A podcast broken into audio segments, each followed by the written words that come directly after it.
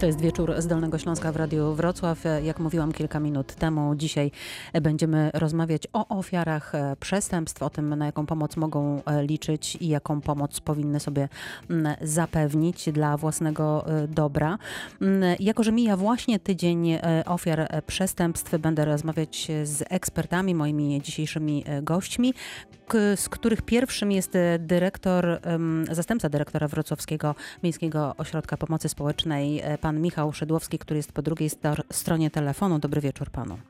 Dobry wieczór pani redaktor, dobry wieczór państwu. Ja dzisiejszą dyskusję chciałabym e, rozpocząć właśnie od rozmowy z panem, gdyż e, instytucja, którą pan kieruje, zajmuje się właśnie pomaganiem, między innymi oczywiście, pomaganiem e, ofiarom przemocy, które są także ofiarami przestępstw przecież. I pierwsze pytanie, które przyszło mi do głowy, to takie, czy ludzie dotknięci różnymi przestępstwami, także przestępstwami dotyczącymi takimi, które dzieją się właśnie w rodzinie, przychodzą sami do ośrodka pomocy społecznej i sami potrafią prosić o pomoc. Jeżeli chodzi o osoby, które doznają przestępstwa w formie przemocy domowej, coraz częściej pojawiają się z własnej inicjatywy w Miejskim Ośrodku Pomocy Społecznej. Rok do roku obserwujemy wzrost też procedur y, niebieskiej karty, która jest skierowana do w celu wsparcia takich osób. Więc można powiedzieć, że wraz z mm, różnymi działaniami, działaniami edukacyjnymi rośnie świadomość y, osób co do tego, co jest przemocą domową, jakiej pomocy mogą i gdzie tej pomocy mogą szukać.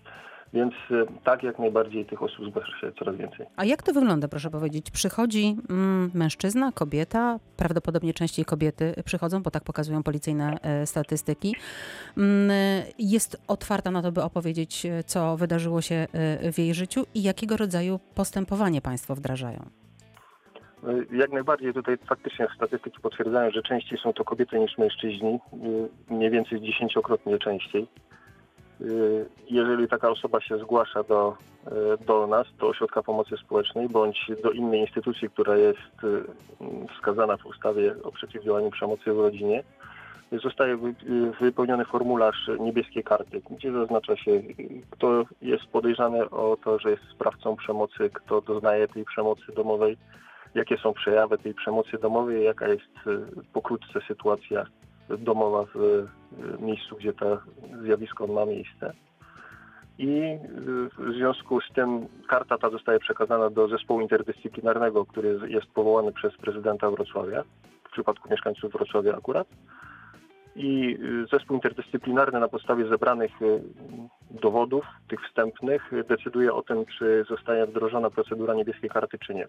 Jeżeli zostaje podjęta decyzja pozytywna, a zazwyczaj tak y, ma to miejsce, Zostaną powołane grupy robocze, które, grupa robocza, która spotyka się cyklicznie. Zapraszana jest osoba, która e, doznaje tej przemocy domowej. Zapraszana jest osoba, która jest podejrzana o to, że jest sprawcą przemocy domowej. Prowadzona jest praca z oboma tymi osobami.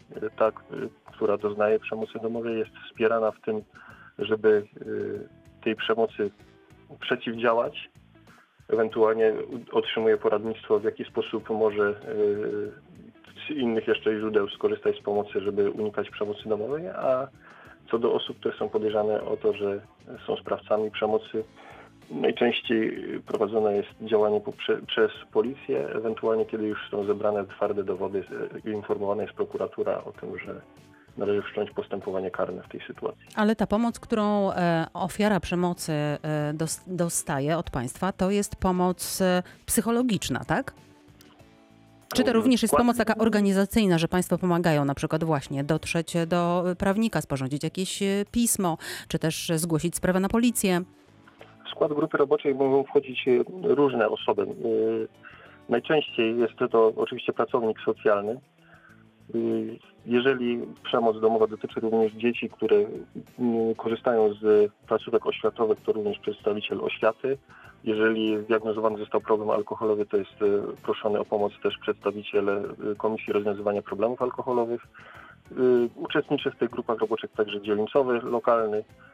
Czyli to jest takie bardzo szerokie spektrum e, działania. Tak, to jest Mhm. szerokie grono specjalistów, które ma na celu, e, ich spotkanie ma na celu wypracowanie metod e, tego, żeby powstrzymać zjawisko przemocy. Tylko jak usłyszałam, jak pan powiedział, że gdy zgłasza się do nas osoba i najpierw wypełniamy formularz, potem powołujemy grupę roboczą, potem docieramy do, do ekspertów, to mam wrażenie, że to wszystko bardzo długo trwa. Jak to wygląda? Ile to rzeczywiście trwa? Czyli ile od momentu zapukania takiej ofiary p- przestępstwa do państwa, y, do, do momentu, kiedy ona otrzymuje realną pomoc? Jaki to jest odcinek czasowy? E, Wie Państwa, jeżeli chodzi o procedurę niebieskie karty, to terminy są opisane w ustawie o przeciwdziałaniu przemocy w rodzinie i od e, w, podjęcia informacji, że ta przemoc e, zaistniała w środowisku, mija 7 dni do podjęcia pierwszych Mhm. działań. A spotkania grupy roboczej nie muszą być pierwszymi działaniami, które zostają podjęte e, dla wsparcia osoby, która tej przemocy doznaje. Mhm. Ponieważ można jeszcze poszukiwać e, innych form wsparcia, które funkcjonują niezależnie, a są dostępne w chwili obecnej. A gdy ta osoba jest ofiarą przemocy fizycznej, e, psychicznej, to ona musi wrócić do tego e, domu, w którym doznaje tej e, przemocy i oczekiwać, że po siedmiu dniach do, do, dostanie pomoc? Czy państwo w jakiś sposób no, oferują jej też dach nad głową? Jeżeli sytuacja jest bardzo trudna i osoba nie może powrócić do miejsca zamieszkania, bo incydenty przemocy zdarzają się bardzo często i są dotkliwe dla tej osoby, to możemy jej zaoferować na przykład e, możliwość pobytu w ośrodku interwencji kryzysowej. Mhm. Proszę powiedzieć, czy e, Miejski Ośrodek Pomocy Społecznej prowadzi też taką e, działalność, nie wiem jak to powiedzieć, ale takiego znajdywania tych osób? Mam na myśli to, że mm, wyobrażam sobie, że takim osobom bardzo trudno jest się otworzyć i przyjść i prosić e, o pomoc. Czy Państwo mm, jakoś monitorują e, sytuację, przyglądają się takim rodzinom, żeby no, trochę profilaktycznie działać i sprawdzać, czy gdzieś nie dzieje się coś złego, e, czemu można zapobiec? Jeżeli mamy podejrzenie, że gdzieś dzieje się coś niedobrego i te e, rodziny czy tam środowiska są zdane pracownikom socjalnym, to oczywiście pracownicy socjalni są uczuleni na to i monitorują sytuację w tych rodzinach. Nawet jeżeli procedura niebieskiej karty nie jest e, prowadzona. A Niemniej do samego poszukiwania osób, które stały się ofiarami przestępstw, ośrodek pomocy społecznej nie jest powołany, bo e, jest właściwy organ, którym jest policja, która działa w celu przeciwdziałania e, przestępstwom. A proszę powiedzieć, ofiarami jakiego rodzaju przemocy najczęściej e, padają osoby, które zgłaszają się do e, ośrodka pomocy społecznej? Czy jest to przemoc fizyczna czy psychiczna? To jest, e, znaczy zależy to od sytuacji. Najczęściej jest to przemoc fizyczna, często łączona z przemocą psychiczną. Sama przemoc psychiczna jest stosunkowo rzadko zgłaszana, chociażby ze względu na to, że akurat tego zjawiska świadomość jest trochę niższa.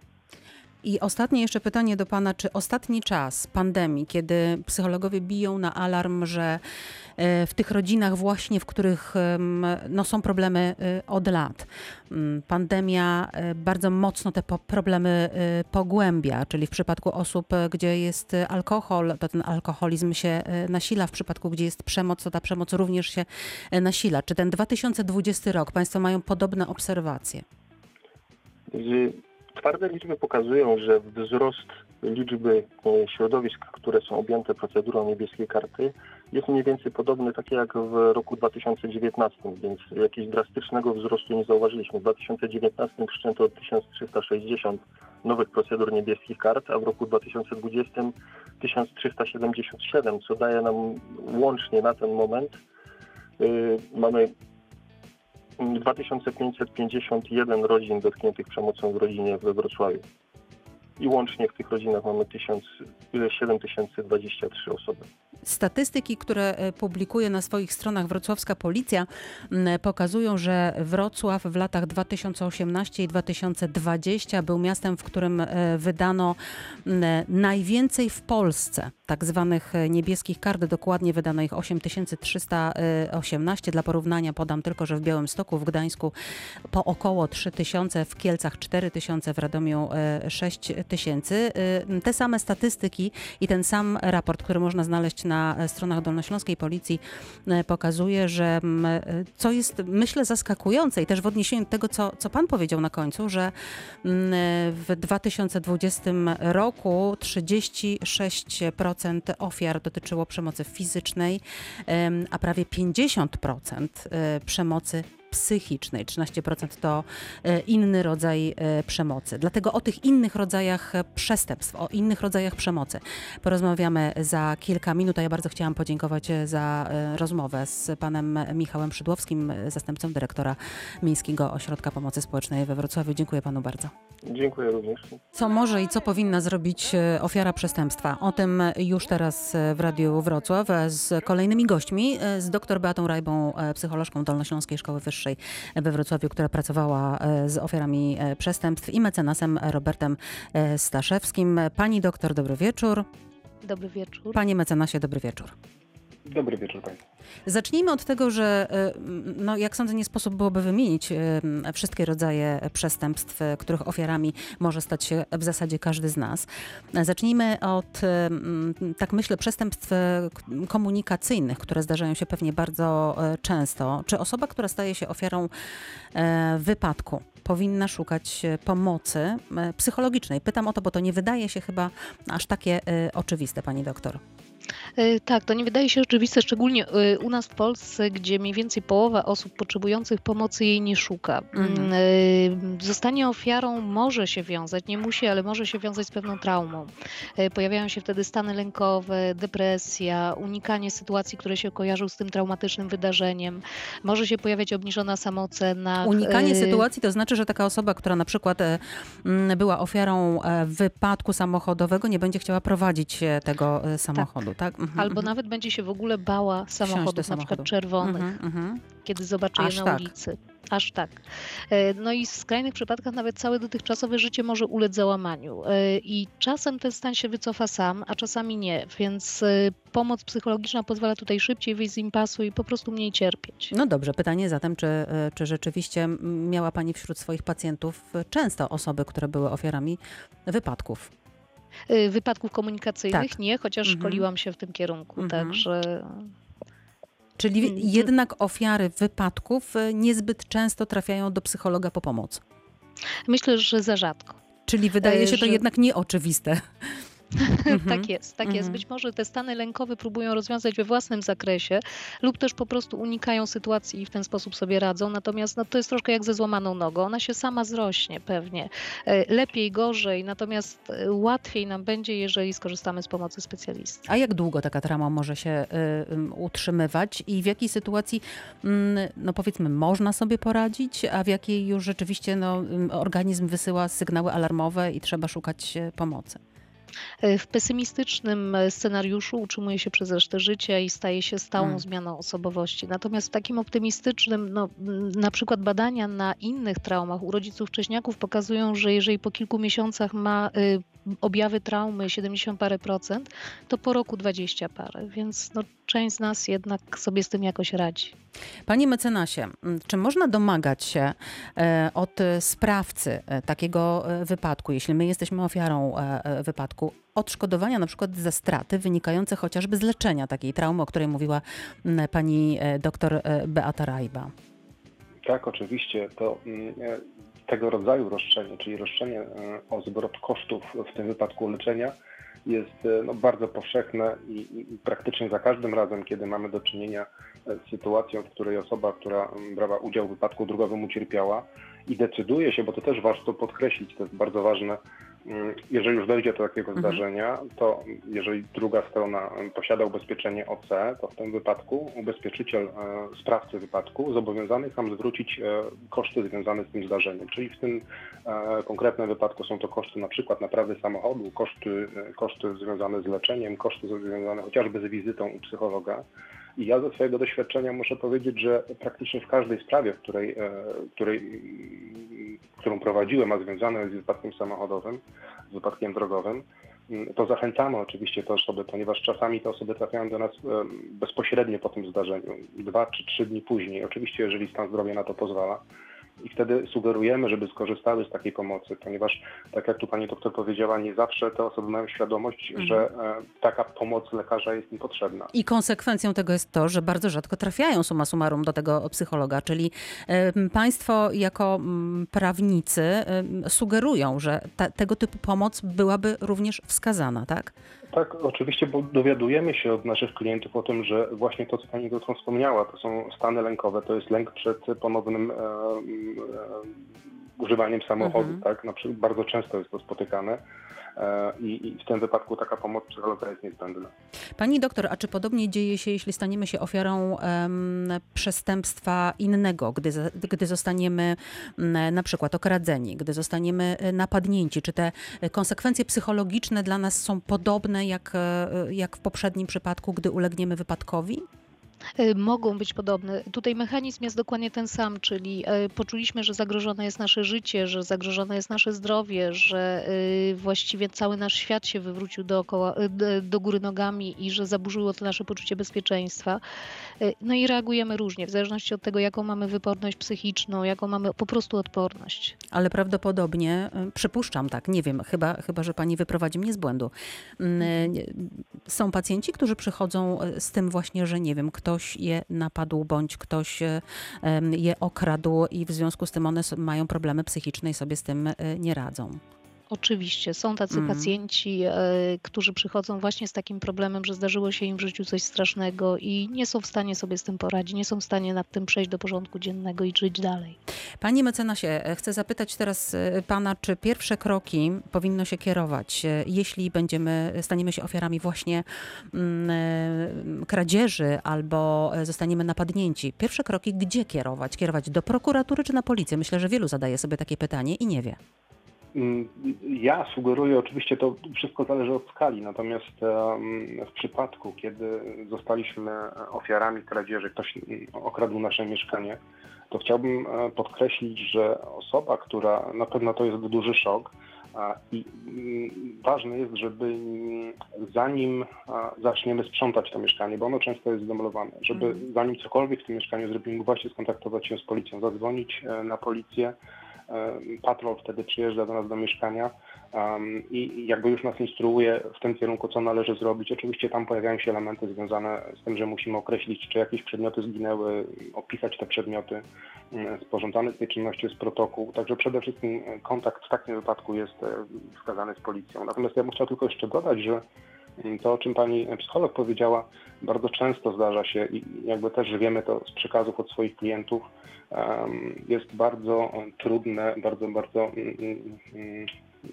bardzo niefajne uczucie. E, sam fakt, że my wiemy o tym, że ktoś był w naszym tak. domu, mhm. to jest bardzo duże naruszenie prywatności Intymności. W takich, w takich, sytuacjach, dokładnie tak, i w takich sytuacjach ta pomoc psychologa również jest, jest niezbędna. Dzisiaj w Wieczorze z Dolnego Śląska e, rozmawiamy o tym, e, co powinna, co może także zrobić e, ofiara przestępstwa, zrobić dla siebie, co powinny zrobić dla niej również instytucje, a także bliscy. Do rozmowy z naszymi gośćmi, dr Beatą Rajbą, psycholożką i mecenasem Robertem Staszewskim wracamy po piosence. To Radio Wrocław, wieczór z Dolnego Śląska, dzisiaj e, poświęcony ofiarom przestępstw. Rozmawiamy z dr e, Beatą Rajbą, e, psycholożkiem, mecenasem Robertem Staszewskim. Pani doktor, czy każda ofiara przestępstwa, a mówimy o różnych przestępstwach, bo mówimy o napaści, o kradzieży i o przemocy fizycznej, czy to jest ofiara no właśnie, czy to jest ofiara przemocy? Y, nie każde przestępstwo wiąże się z mhm. przemocą, chociaż nawet jeżeli ono się nie wiąże z przemocą, to y, może to być ciężkie przeżycie. Y, natomiast no, w wypadku przemocy, przemoc jest obecna w bardzo wielu przestępstwach i jest stałym elementem. Ja wcześniej powiedziałam, że statystyki policyjne za 2020 rok pokazują, że mm, przemoc fizyczna w 2000 w ostatnich latach nie była najczęstsza, że zdecydowanie częściej dochodziło do przemocy psychicznej. I chciałam Panią poprosić, jak to można byłoby y, zinterpretować? Ja bym przede wszystkim wyszła z założenia, że statystyki policyjne to jest taki wierzchołek góry lodowej, e, więc być może dobrze, że ta przemoc psychiczna się zaczyna pojawiać w tych statystykach, bo to świadczy po prostu o większej samoświadomości, mhm. E, o większej świadomości swoich praw, swoich granic, o tym, że e, mimo wszystko osoby, które są ofiarami przemocy się wymykają troszeczkę temu schematowi trzech faz napięcia. Czyli Proszę fazy, w której napięcie, mhm.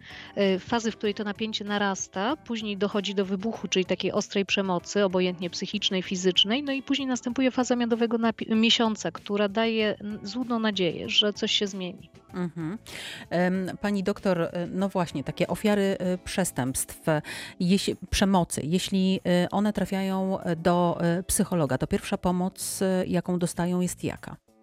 To zależy od tego, czy one są w tej chwili w trakcie tej przemocy, czy one żyją na przykład w rodzinie przemocowej e, z przemocowym partnerem, czy też e, nie. Jeżeli nie żyją, no to e, jeżeli już sobie poradziły z tą sytuacją, to pracujemy nad emocjami. Staramy się te emocje troszeczkę wyciszyć, sprawić, żeby one rozumowo zrozumiały, że, że to jakby no nie ma przełożenia na całe ich życie, że zdarzyło się nieszczęście, ale, ale więcej się może nie zdarzyć. Natomiast jeżeli te osoby są w trakcie przemocy, w przemocowym związku na przykład, no to musimy pracować przede wszystkim sytuacyjnie.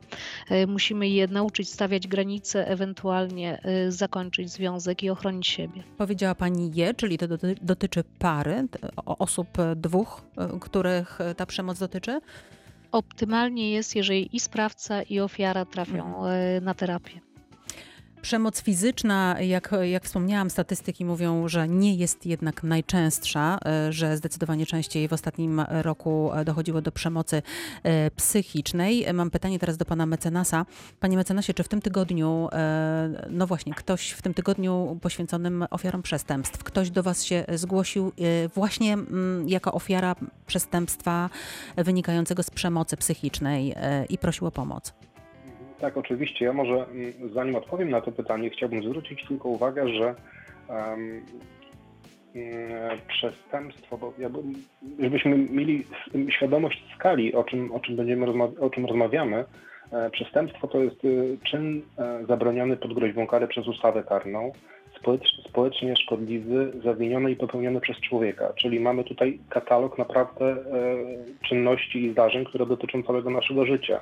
E, poza przemocami, przemocą na przykład w rodzinie mamy tutaj mhm. wszystkie sytuacje e, związane z, dotyczące na przykład prawa pracy, czy kwestie stalkingu, mhm. kradzieży tożsamości, poruszania się w internecie.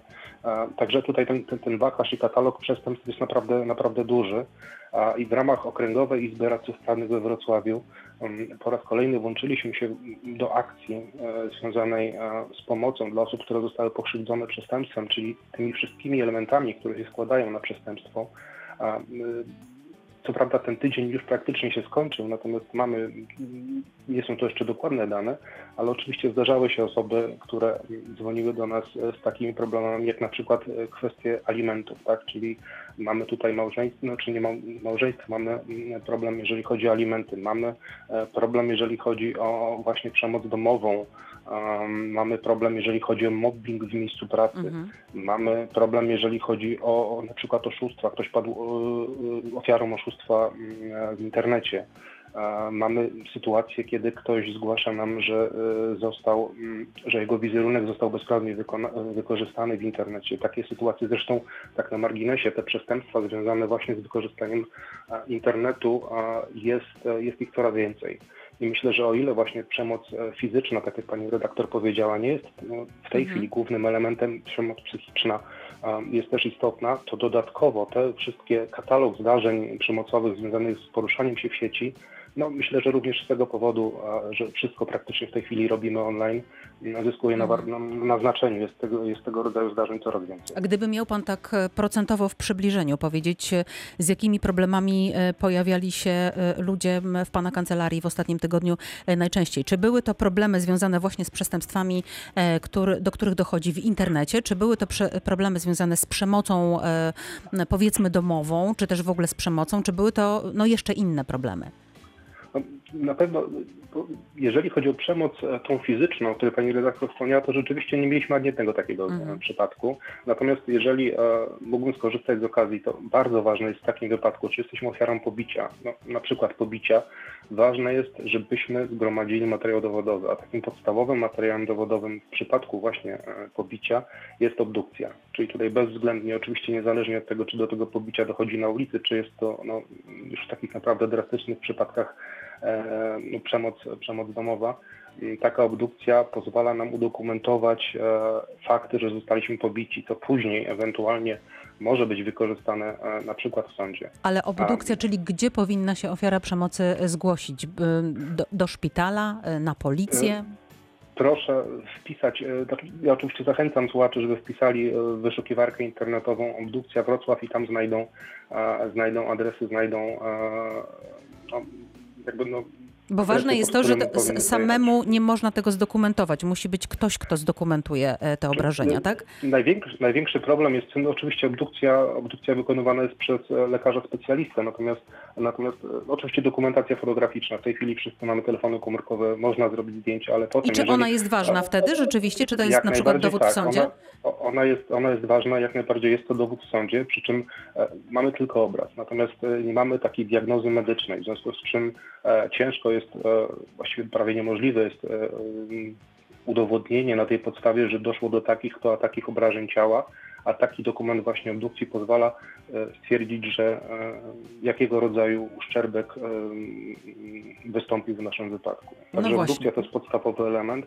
Natomiast również te kwestie, o których wspomniałem dotyczące pracy zdalnej, znaczy akurat e, dotyczący funkcjonowania w sieci e, był bardzo często um, przywoływany przez naszych klientów. Kradzież tożsamości też się mhm. zdarza. Czasami wydaje nam się na przykład... A hejtowanie takie... w internecie, to jest, o, o tym problemie no. mówi się w ostatnim, tylko bardzo króciutko tak. już bym prosiła, e, czy, tak, czy, czy coraz częściej ludzie, zdarza się, że mm, dochodzą swoich praw, jeżeli zostaną obrażeni w internecie? Tak, dokładnie. Jest przestępstwo stalkingu, które polega na uporczywym nękaniu drugiej osoby, e, które wywołuje, wywołuje u niej poczucie zagrożenia. Tylko również w takim wypadku ważne jest, żeby zgromadzić materiał dowodowy. Znaczy, jeżeli otrzymujemy jakieś e, obrażające nas, czy to maile, czy smsy, to czy trzeba je gromadzić. Portalach, to trzeba je gromadzić. Ale czy te sprawy, robić... panie mecenasie, się dzieją realnie? I e, czy, czy dochodzi do wyroków, do, tak, do skazań? E, oczywiście dzieją się. Wiemy to może w takiej sytuacji, jeżeli padamy ofiarą takiego przestępstwa, powinniśmy to zgłosić, e, zgłosić na policję a, i jakby policja już jest administratorem tego postępowania. Natomiast no, biorąc pod uwagę skalę zapytań, które do nas trafiają, trafiają jako do prawników, no nie zawsze taka osoba decyduje się na to, żeby być e, reprezentowana przez profesjonalnego pełnomocnika, w związku z czym my nie do mhm. końca znamy statystyki, jeżeli chodzi o ilość faktycznie zakończonych spraw i wydanych wyroków. Jasne. Natomiast zdecydowanie tego rodzaju sprawy mają miejsce. Dzisiaj w Wieczorze z Dolnego Śląska rozmawiamy o tym, co może e, zrobić e, ofiara przestępstwa. Może zrobić psychologicznie, może zrobić e, prawnie. Mm, statystyki policyjne pokazują, że najczęściej w obecnym czasie, a zwłaszcza w ostatnich latach, a zwłaszcza w 2020 roku, dochodzi do przemocy psychicznej, która jest przestępstwem, jak wyraźnie powiedział na naszej antenie mecenas Staszewski, nasz dzisiejszy gość. Doktor Beata Rajba jest również z nami, psycholożka Dolnośląskiej Szkoły Wyższej. Pani doktor, Mm, przemoc psychiczna, co to w zasadzie e, jest? Co się na nią to jest składa? wszelkiego rodzaju przekraczanie granic, agresja słowna, y, zastraszanie, y, tego typu rzeczy. Ona jest łatwiejsza Wyzywanie. niż przemoc. Wyzywanie, dokładnie. Jest łatwiejsza niż przemoc fizyczna, dlatego że jest bardziej subtelna. Trudniej jest powiedzieć stop, dlatego że bardzo często towarzyszy temu obwinianie ofiary. No i ofiara, która jest do tego przyzwyczajona, bierze tę winę na siebie. Czy w tym internecie, o którym mówił e, kilka minut temu e, mecenas Staszewski, że tych spraw jest coraz więcej, to jest właśnie przemoc e, psychiczna, hejtowanie innych? Nazywamy ją cyberprzemocą, natomiast jest to forma przemocy y, psychicznej. Jak najbardziej e, potrafi doprowadzić nawet do samobójstwa. Mobbing e, w pracy.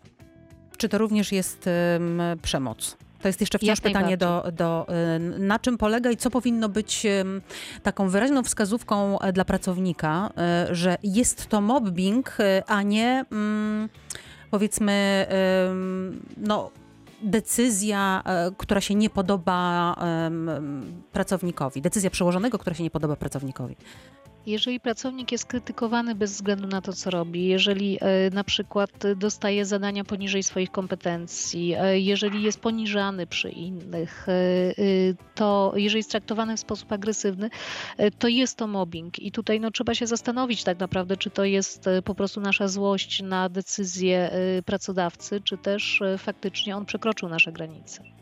Panie mecenasie, czy takie sprawy właśnie dotyczące e, mobbingu, która jest, e, który jest przemocą w pracy, czy one też zdarzają się e, częściej? Czy takich klientów miał Pan w tym mijającym tygodniu, tygodniu ofiar przestępstw? Tak, tego rodzaju sytuacje się zdarzają. Ja tylko chciałbym jeszcze dodać e, pod kątem e, ewentualnego postępowania sądowego e, i jakby samej definicji mobbingu trzeba zwrócić uwagę na to, że nie może to być zdarzenie jednorazowe. To znaczy bardzo ważne w przypadku mobbingu jest to, że jest to trwał, długotrwałe i uporczywe.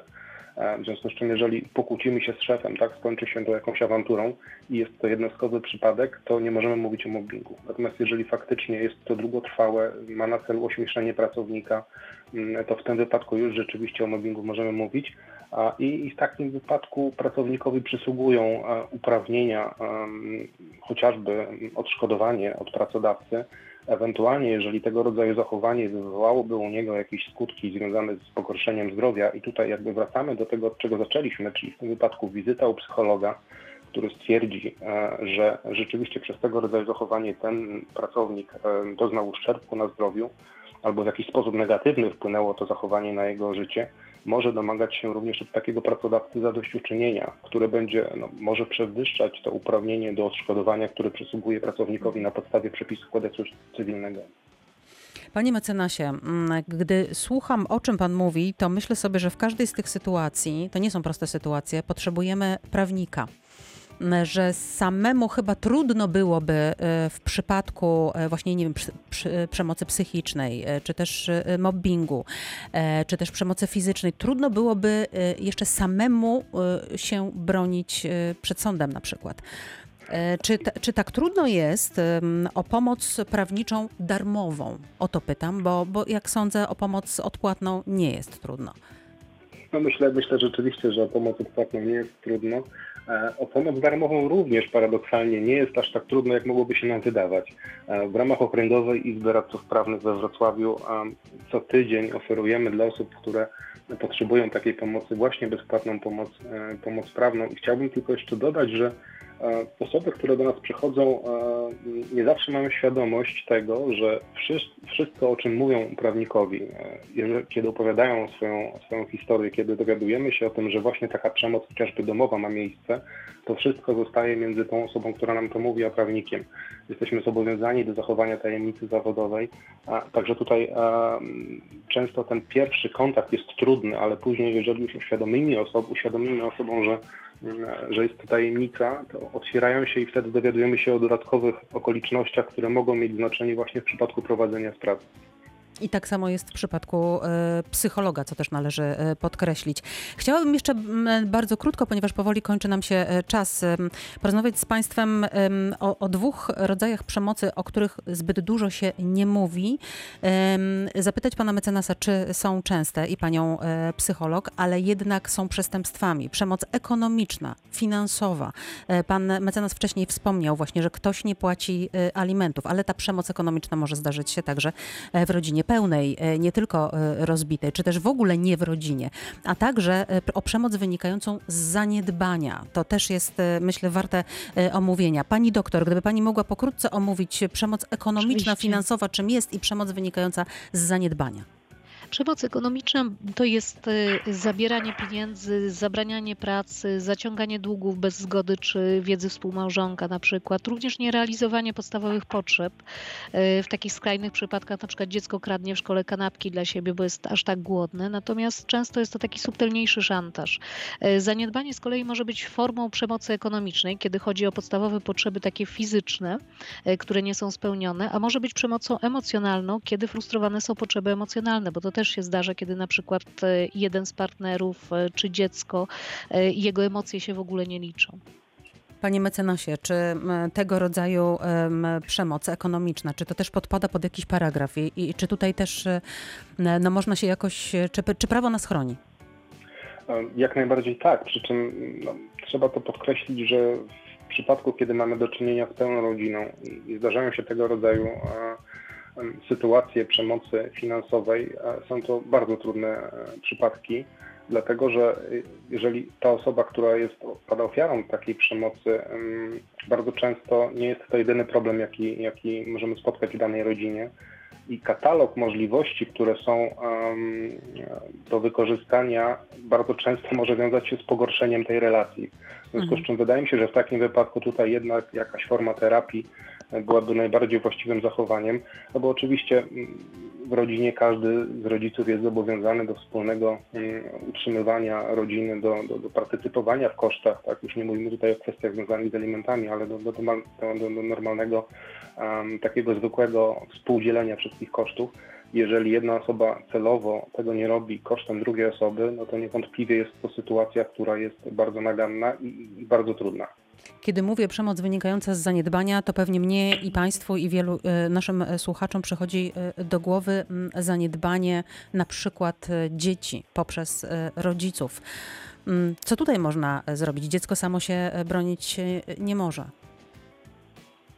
Y, Co można zrobić? Można przede wszystkim e, spróbować e, y, zadziałać przez szkołę. Szkoła ma ogromne możliwości pomocy tutaj. E, Tak naprawdę y, poinformowania odpowiednich służb, również mediacji z rodzicami i ona jako pierwsza widzi problem. Oczywiście nie kiedy uczy online. Mhm, oczywiście. Rozmawiamy o sytuacji, w której dzieci chodzą stacjonarnie do szkoły. Miejmy nadzieję, że taka sytuacja niebawem wróci. Ale chcę zapytać jeszcze o taką rzecz, pani doktor. Czy sytuacja, kiedy dziecko nagminnie nie odrabia lekcji i widać, że nikt nie kontroluje tych e, e, m, lekcji, w zasadzie tego, co dziecko robi w szkole, czy to też jest zaniedbanie, czy to już pod to podpada?